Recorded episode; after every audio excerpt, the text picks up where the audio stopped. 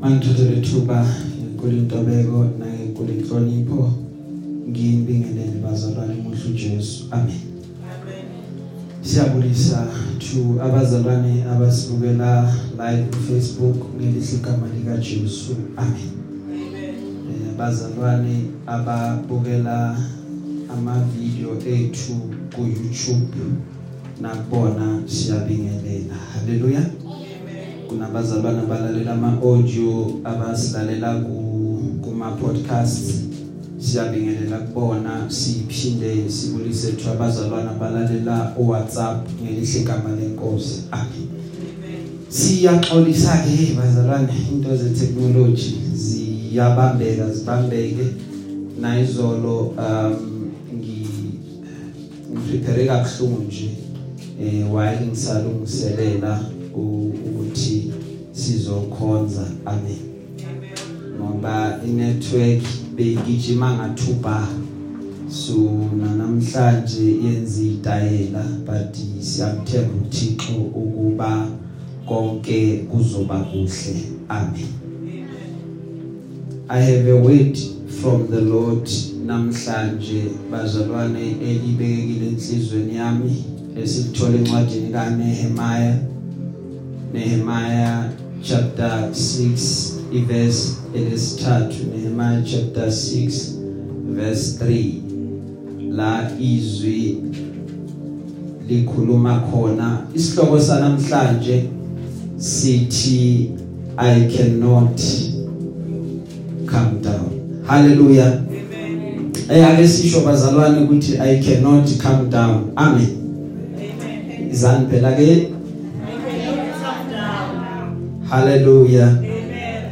So yeah si sizofunda izwi lenkosi. Ku- kukhona uhlobo lwabantu in life efanele ukuba ulazi ulibone maqeda bese uyaqaphela haleluya kuno hlobo lwabantu efanele ukuba ekuhambeni kwakho ekuphileni kwakho konke ungasondelani kakhulu nalo ngoba kuyokusiza lokho. Haleluya. Lolu hlobo lwabantu ngike ngakhuluma nomunye umfundisi anginikeza iseluleko uthi kumina motha abantu awubakweleti. You don't have to explain yourself kubona. Lawo mazwi lawo wangakha kakhulu because ngaba neunderstanding engcono ukuba akufanelanga ngiphile uhlobo lwempilo la kufanele ukuba ngihlale ngiz explaina khona noma ngichaza khona kubantu abathile. Hallelujah. Because our problem these days is ukuba thina sesi sesishare kakhulu. We even tend to overshare izinto sishare nezinto efanele ukuba asizishare amen. Hallelujah.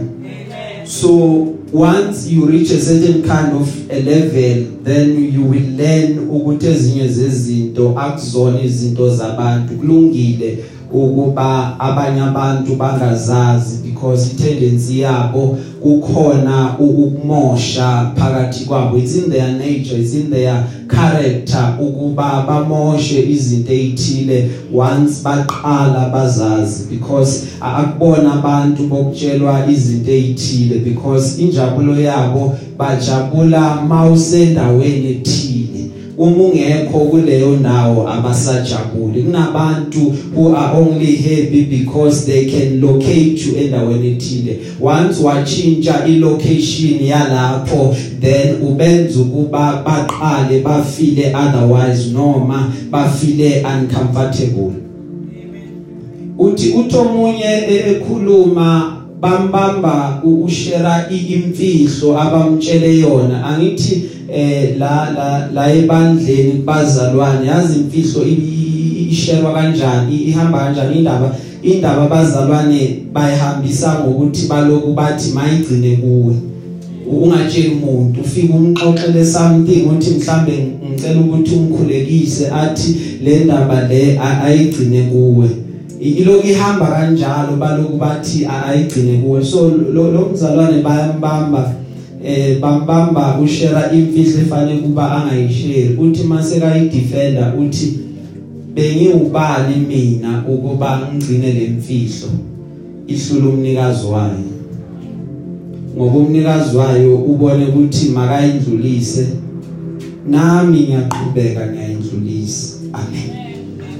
Siyafunda ke bazalwane Nehemiah chapter 6 iverse lilodwa uverse 3 haleluya cela uyiphethe ngesizulu asifundele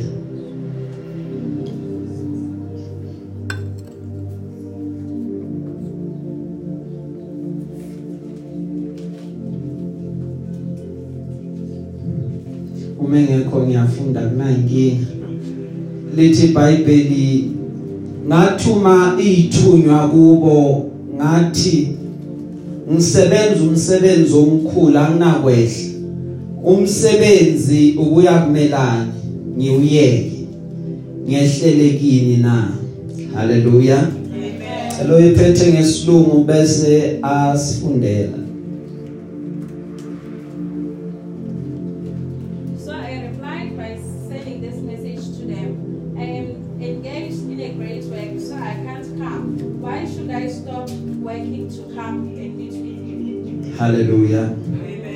Amen. Cela omunye ophethe ngenye version yesilungu asifundele.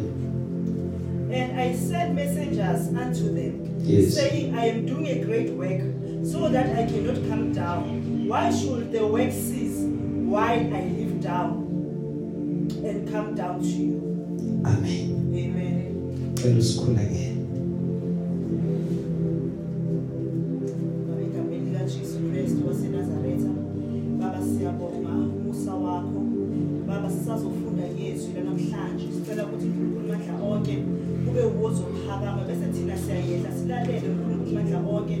Bese siyenze according to your word. Ngelithi igama lika Jesu Christ waseNazaretha teach us your divine timing so that we may redeem time. Baba ngekho fana njengawe ungu alpha ungu omega uyisiqala uyisiphethe ngekho ongalinganiswa nawe. Thatha udumo uNkulunkulu namandla onke. Sikunikela kubo bonke kuwe simakade ngoba baba izwi lakho alibuyele emuva. Lingakawuyenzi umsebenzi ungayenzakala ebantwini. Kuwe kuyayenzakala ngegama lika Jesu Kristu waseNazaretha I pray that our motives are purified so that we may walk according to your path. Father God let your mind be our mind. Let your understanding be our understanding. And let Father God your your, your understanding be our understanding. Renew us in Jesus mighty name. Ngekho umoya ungafaniswa nawe in Jesus mighty name. Amen. Amen Siyabonga bazalwane haleluya amen namhlanje sizothola nje uhlobo lwabantu oluthile efanele ukuba uliqaphele because kulempilo esiphilayo kunohlobo lwabantu oluba yiproblem kunohlobo lwabantu oluba inkinga empilweni yomuntu.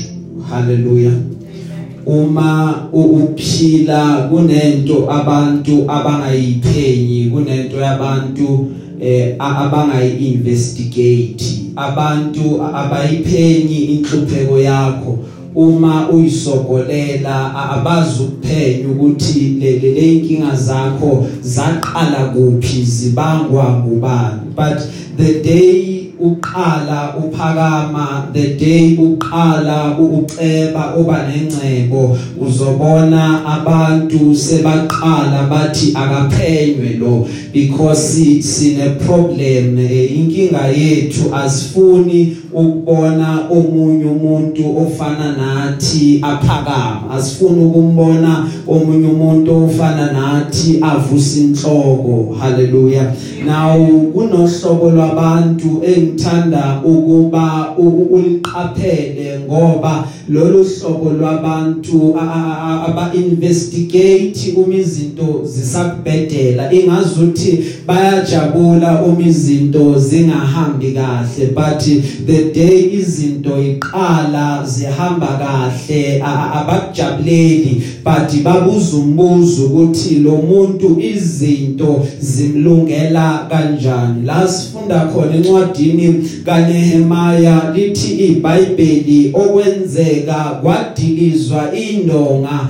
zaseJerusalema. Uma indonga idilikile amasango akhona maqeda ashiswa ngomlilo. Bebangana problem while konke lokhu ukonakala nencithakalo yenzekile until kuhlupheke uNehemaya athi angikwazi ukuqhubeka ngihlale la izimo zingalendlela. I need to go and take a stand maqeda ngiyolungisa ngivuse ugange lolo lidilikile maqeda bese ngibuyisela amagate then inkinga yabo yaqala lapho. Igama labo uSanballat Tobaya noGeshem haleluya Amen. amen Amen. so briefly nje ngifuna ukuba eh uhambe nami ngoba la sifunda khona lithi iBhayibheli bathumela kuyena bathi kuyena sheshisa wehle uze phansi uzokhuluma nathi ngoba sekunento embi abamplenele yona noma bamhlelele ukuthi bazomenza yona. But la sifunda khona uthi makabaphendula i cannot come down ngishiye lo msebenzi ongaka uqhubeka. Angikwazi ukuthi ngize nani. Why? Because beseka kwazile ukuthi abone ukuthi labantu abahlelile akusikuhle kepha kubo. Glory be to god. Amen. hallelujah. Amen. so ngizothi kuwena namhlanje i cannot come down. Hallelujah. Amen. i cannot come down. Sebenze ngwenzayo mkhulu.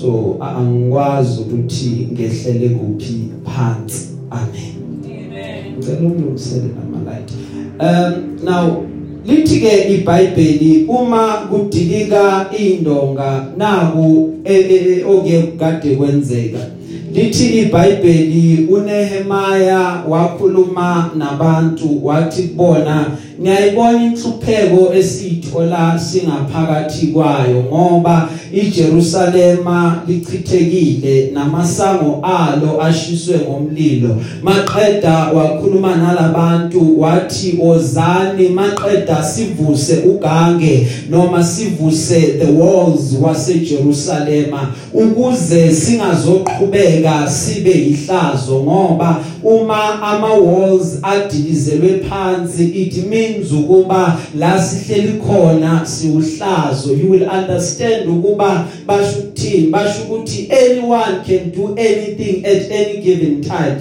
La sihlala khona uyayithole indlu engana engana fence. Abantu bayayingenela abanye baze bazodlula la ngasemnyango. Uthi uthi uyaphuma udibane nomuntu ngani ngoba uyabona ukuthi la akuna fence so i can do as i please. Then uthi uNehemiah umekhuluma ngabatshela about isandla sakaNkuluNkulu esasikade sisihle phezukwami nangamazwi enkosi inkosi eyawakhuluma kimi. Maqeda laba bantu bakhuluma lankamazwi bathi kuNehemiah okay kulungile Nehemiah asisuke kusakhe maqeda lithi iBhayibheli bayinikela kakhulu emsebenzini baqinisela bamsiza ngoba kunalolo hlobo lwabantu oludingayo lolo lukwazi ukuba luze luzokusiza once ukubatshela about ivision onayo once ubabonisa umbono lo onawo bayeza to to to, to come and offer in a helping hand. So those are the kind of people that you need. Abantu abazofika bazokusiza but lithi ke iBhayibheli esilifundayo laba bantu abathathe ngutshele ngabo bathe uma beqeda ukubona ukuthi kwenzakalani lithi iBhayibheli babahleka. Babahleka usulu maqeda babadelela. Bathi lento enifuna ukuyenza ayikwazi ukuba yenzeke ngoba nina kahle kahle senifuna ukwenza njani? Ukuhlubuka inkosi. Nina senifuna ukuthi nisuke enkosini. But uNehemiah took a stand wakhuluma kubona wathi kubona uNkulunkulu wezulu into azoyenza ukuba uzosiphumelelisa. Uma seqedile ukusiphumelelisa thina zinceku zakhe into esoyenza manje ukuthi sizosuka maqeda bese siyakha uma sakha nina into engifuna niyazi ukuthi aninasabelo futhi aninalungelo futhi aninasikhumbuzo eJerusalem so nina you have no claim whatsoever kuyo yona yonke lento esiyenza la Amen. haleluya Amen. lithi iBhayibheli njengomuzi like a city that is broken down without walls lokho kuyenza ukuthi the city ibe not protected is a man who is without self control so you need to build walls you need to build boundaries around wena. Hallelujah. Amen. you need to have walls you need to set ama limit kunohlobo lwabantu ekufuneka ukuba bangabe neeasy access kuwena. Kunohlobo lwabantu ekufuneka ukuba bangasondelani nawe Amen. haleluya Amen. because bane hazardous potential yokwazi ukuthi babonakalise iningi lezinto empilweni yakho glory be to God Amen. So uma uma uma kwakhiwa bazalwane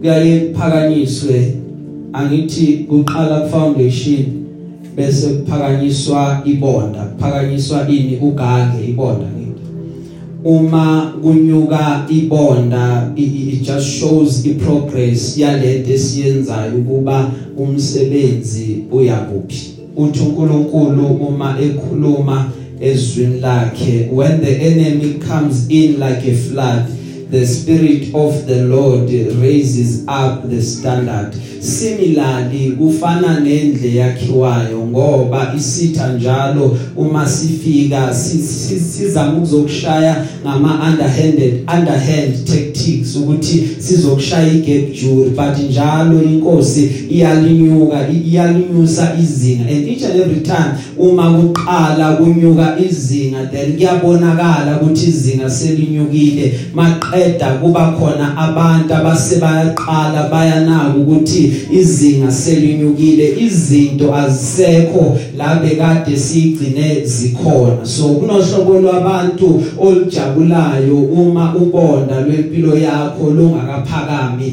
uma usese easy access easy target to them bayajabula. Why? Because they can easily reach unto you but once waqala waset ama boundaries then bayaqala bathi kuwena sewuguqukile. Why? Because kunezinto abangasakhona ukufinyelela kuzona kuwe kalula.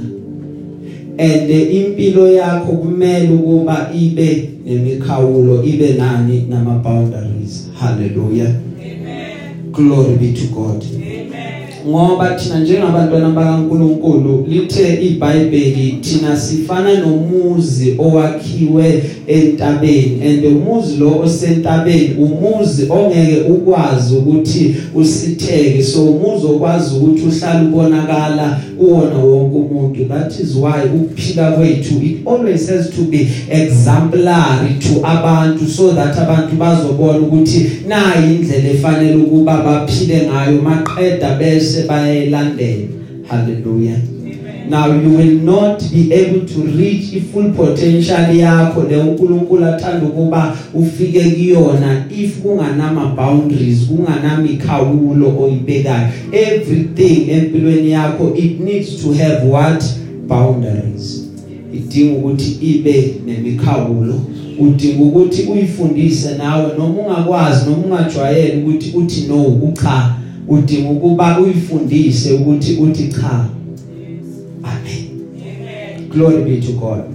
Na uma uma uma uIsrayeli eza ezohamba lithi iBhayibheli uma ezoyophozesa izwe lesethembiso iCanaan kukhona la awafika wadlula khona. Uma eza lithi iBhayibheli wadlula eJericho uma eza usondela eJericho. Na uma esondela eJericho iJericho lezwa ukuthi uIsrael is coming. So iJericho lenzani? Lavala amasango alo. Lithi iBhayibheli mawulifunde encwadini kaJoshua bekungekho ophumayo bekangekho futhi owenza njani? Okwazi ukuba angene. Nawo uNkulunkulu wabavayisavaya Jericho ngoba bekafuna ukuba iJericho liyodilizelwa phansi so that indonga zabo zizowa so that uIsrael kuzoba izi ukuthi akwazi ukudlula so that kuzoba easy kuIsrael ukuthi ayothi possess the land.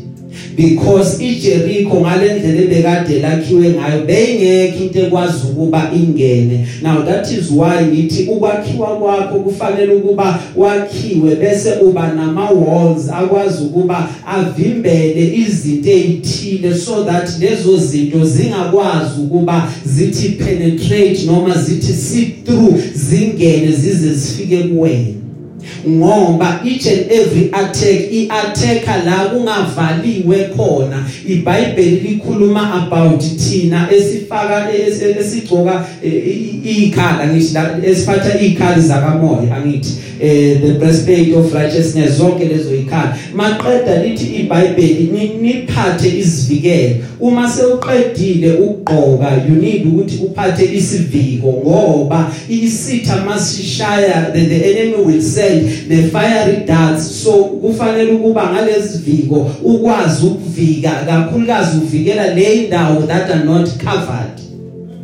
Ngoba each and every attack that comes kahle kahle isitha sifuna ukuexploiter indawo that is not covered. So njalo uma sihlasela sihlasela indawo that is not covered ngifuna ukuba ukubambe lokho ngoba ungakhuleka wena ujule wenze zonke izinto ubone ukuthi wenza right phambi kwaNkulunkulu but kutholakala ukuthi abantwana bakho abekho covered. Then isitha masishaya sesiyoshaya ebantwaneni kuze sifike kuwena glory be to God. So that is why you need to cover every aspect. You need to cover yonke indawo so that isitha singabi neaccess ukuthi singafinyelela kuwena kanjani. That is why you need to build these walls around you. These walls will be i protection yakho. The day kufika khona i trouble why? Ngoba umisile ama walls to protect you wena ongaphakathi. Haleluya Amen. uthi Nehemiah I cannot come down. You need to build those walls.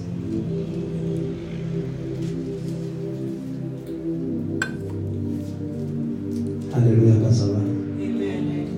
nikhona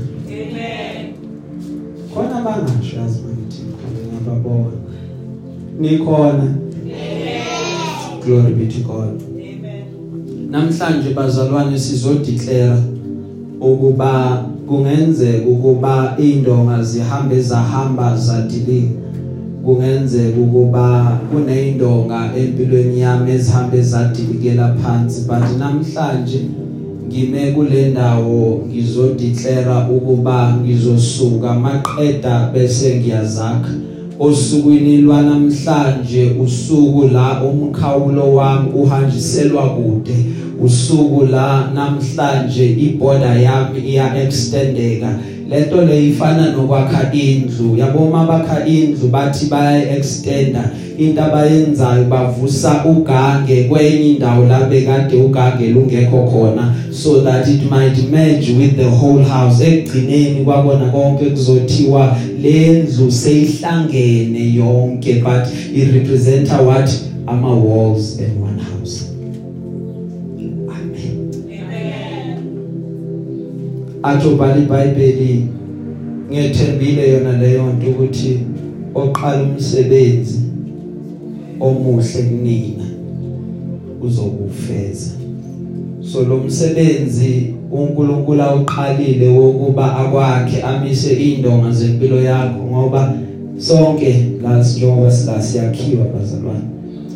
We are being built usuku nosuku senziwa abantu uNkulunkulu athanda ukuba sibe yibona so rest assured ukuthi usimakade uyena uqalile lo msebenzi uzowufeza. But uNkulunkulu into ayidinga kuwena udinga kuwena ukuthi ukwazi ukuthi nawe you are able ukuthi ukwazi ukuthi wakhe umise ini indonga because unani unamandla wokwazi ukuba umise indonga ngoba wena uyafana nje neJerusalema. Athi ubhala incwadi yamahubo iJerusalema is is a well built city. Kunezinto ezingakwazi ukuba zipenetrate through iJerusalema through ama walls waseJerusalema. Ngani? Ngoba iJerusalema umuzo wakhiwe ngokuqinileyo. So nawe kudingeka ukuthi mawuyibuka uthi mina ngiwumuzo wakhiweyo ngokuqinileyo njengoba ngiyini? Ngiyisakhiwo sakababa uNkulunkulu. So izinto ezivela esitheni azikwazi ukuthi zithi breakthrough noma zithi penetrate unto impilo yami. Including even inkulumo zabantu azikwazi ukuthi zingenelele maqeda bese ifinyelele kumina zingenze ukuthi ngibe cast down. Why? Because ngiwumuntu oqinile. Ngobani? Ngoba mina ngiwumuzi onamandla. Ngiwumuzi insindiso kaJehova egcwele kuwona ngaphakathi. La empilweni yami the only thing ephilayo insindiso kaJehova nenjabulo eqhamuka kusimakala glory be to God Amen. hallelujah Amen. Sengcina ke bazalwane ekugcineni. Uthi uNehemaya uma ekhuluma I sent a word because initially they sent a word. The word that I sent bekade lithi kubona angikwazi ukwehla ngoba lo msebenzi engwenzayo mukhulu. So i cannot come down to have a meeting with you.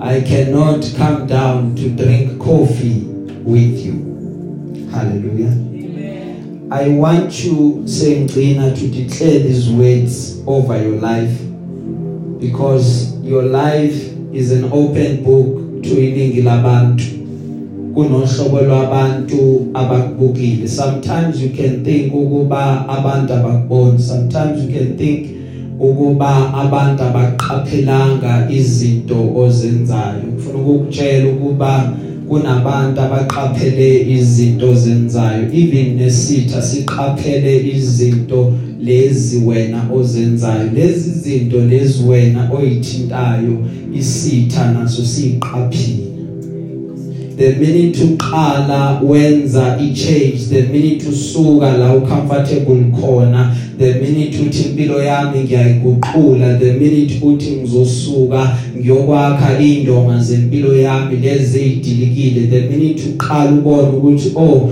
kufike lokuya nalokuya kwazothatha lokhu naloku empilweni yami manje sengiyakulanda konke lokho kuntshontshiwe kumina sengiyakulanda konke lokho kuhlwithiwe kimina. Wenza ukuba abantu abathile maqeda bese bathi pay attention to wena because lokho kubenza ukuthi babone ukuthi lo muntu akasekho kule ndawo besicabanga ukuthi uyohlala kuyona because by right vele lezi zimo zizijabulela ukuba zilindele ukuba ulokuhleli la uhleli khona ngobani? Ku right uma uhleli endaweni ediliziwe. Ku right uma uhleli endaweni phansi engaphakame engathuthuki engayindawo engayiphambili according to bona ku right kulungile. But the minute uqala uthi i want to reconstruct my life so ngena enkingeni sewuyaqala wenza inkinga according to them. Now they begin to delight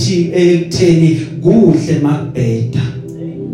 Haleluya ngoba abothobaya abazange babe nenkinga ngenkathi indonga idilikile. Ngenkathi indonga ziqala ziphakama lokho bathi sifuna ukubona ukuthi bayimisele ukuba benzeni the minute uqala uthi ngakha kabusha impilo yami. Ngiyavuma ngwenzile amaphutha ngaze ngaxoshiswa emsebenzini. Ngiyavuma ngwenzile amaphutha ngasiyekela isikolo mara manje ngifuna ukubuyela. Then lapho soyaqala wenza inkinga efuna ukuba inakwe ngokujulile ngobani? Ngoba uma impilo yakho ihleli ndawonye ingathuthuki. Ulungile baze bathi abakwazi ukukhuluma kunohlobo lwabantu o- o- o- olufuna wenze kangcono kepha ungenzi uzubadlule because abafuni ukuvuma ukuthi lento yenzayo yinhle kakhulu. Singasika iphethini kuwena singafunda kuwena. Uright mawenza kepha lokho kwenzayo kube ngaphansi kubona. Uright uma useza kubona uzocela izinto ezithile uthi ngicela ukuba ningisize but the day ungasaceli kubona. The day sebakubona ufaka impahla ezintsha uhamba. Then sewenza inkinga before their eyes. Sebathi sewuzibona ungcono impilo yakho seyiguqukenini sekuyibona asebaqala bakukhuluma kabi. Instead of ukuthi ngabe bayajabula nawe bathi at least uNkulunkulu is changing your life. Ah eh but they were delighting ngenkathi usese usafuna kubona. Kunabantu abangeke baze bakufundise ukuthi how to go u- u- u- uyofisha how to go and fish for yourself. Kunabantu abangeke baze bakunikeza udobo. Into abazoyenza they will always give you inhlanzi. Ulungile njalo uma uzocela amafishi kubona kulungile. But the day izinto seyiguqukile sekuyinkinga glory be to God.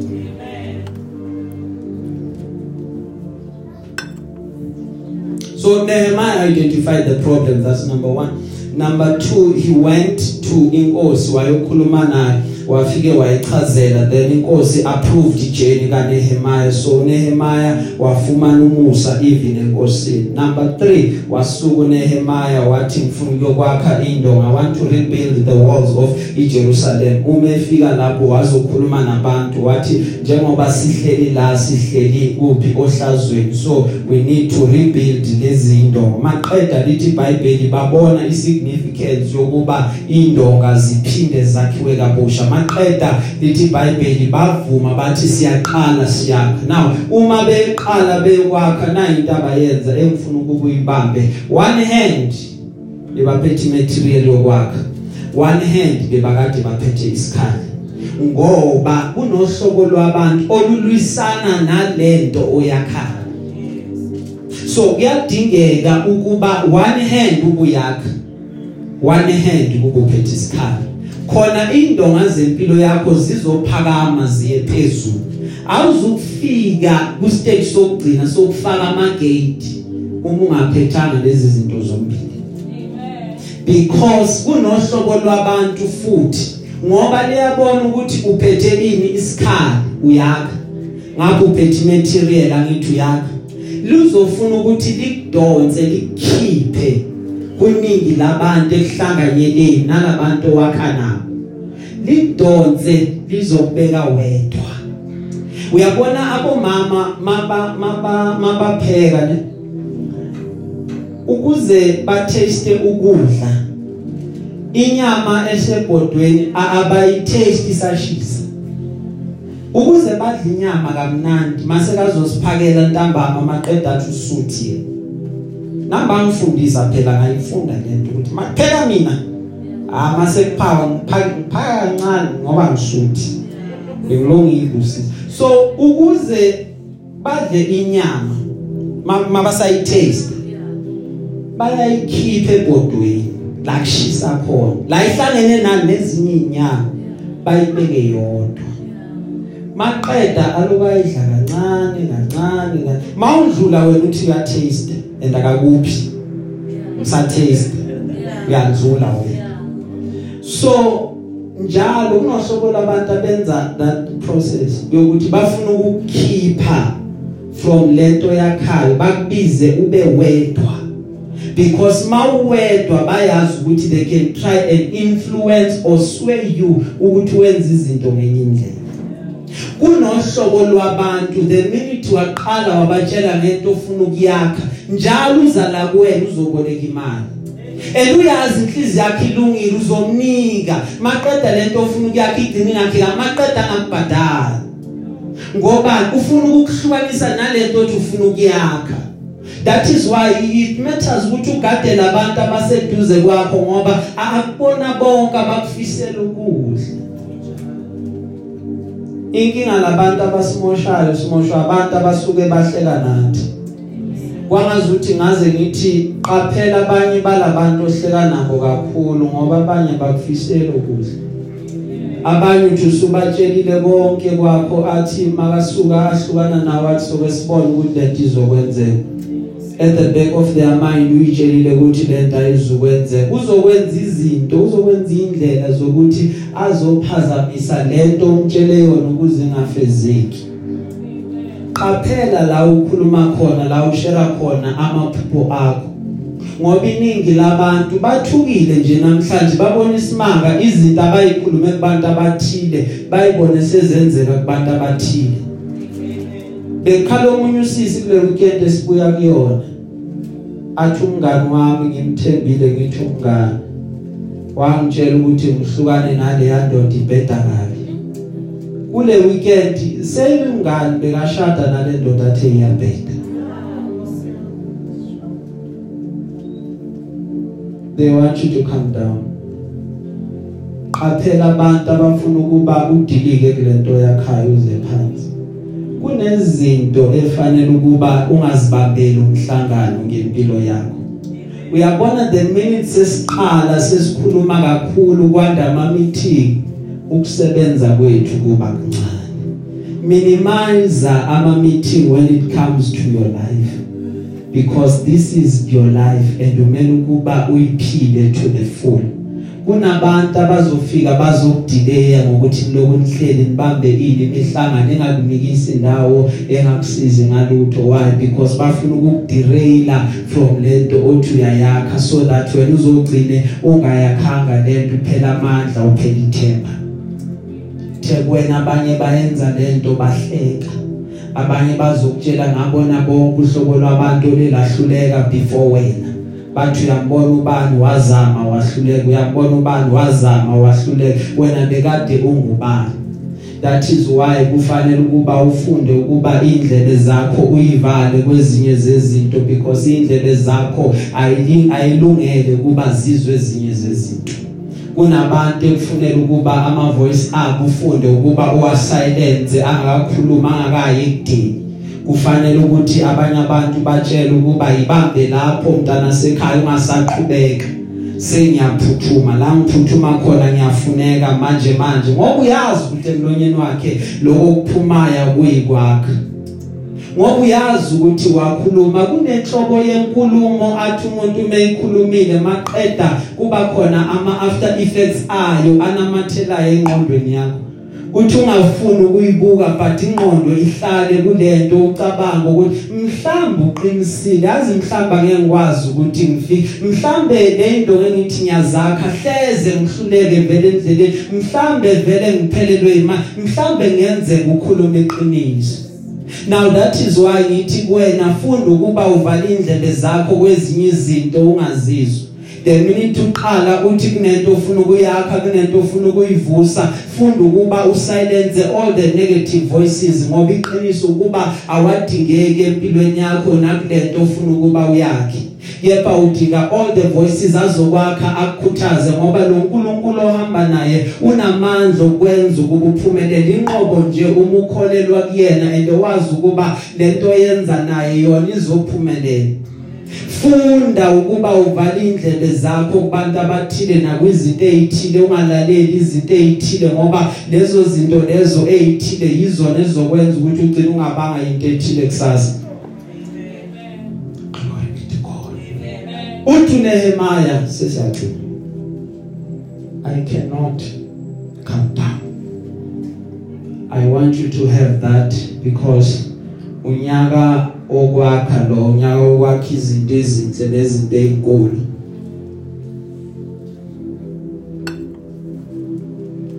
asisho kokugcina I cannot come down. Asiphinde futhi i cannot I cannot come down.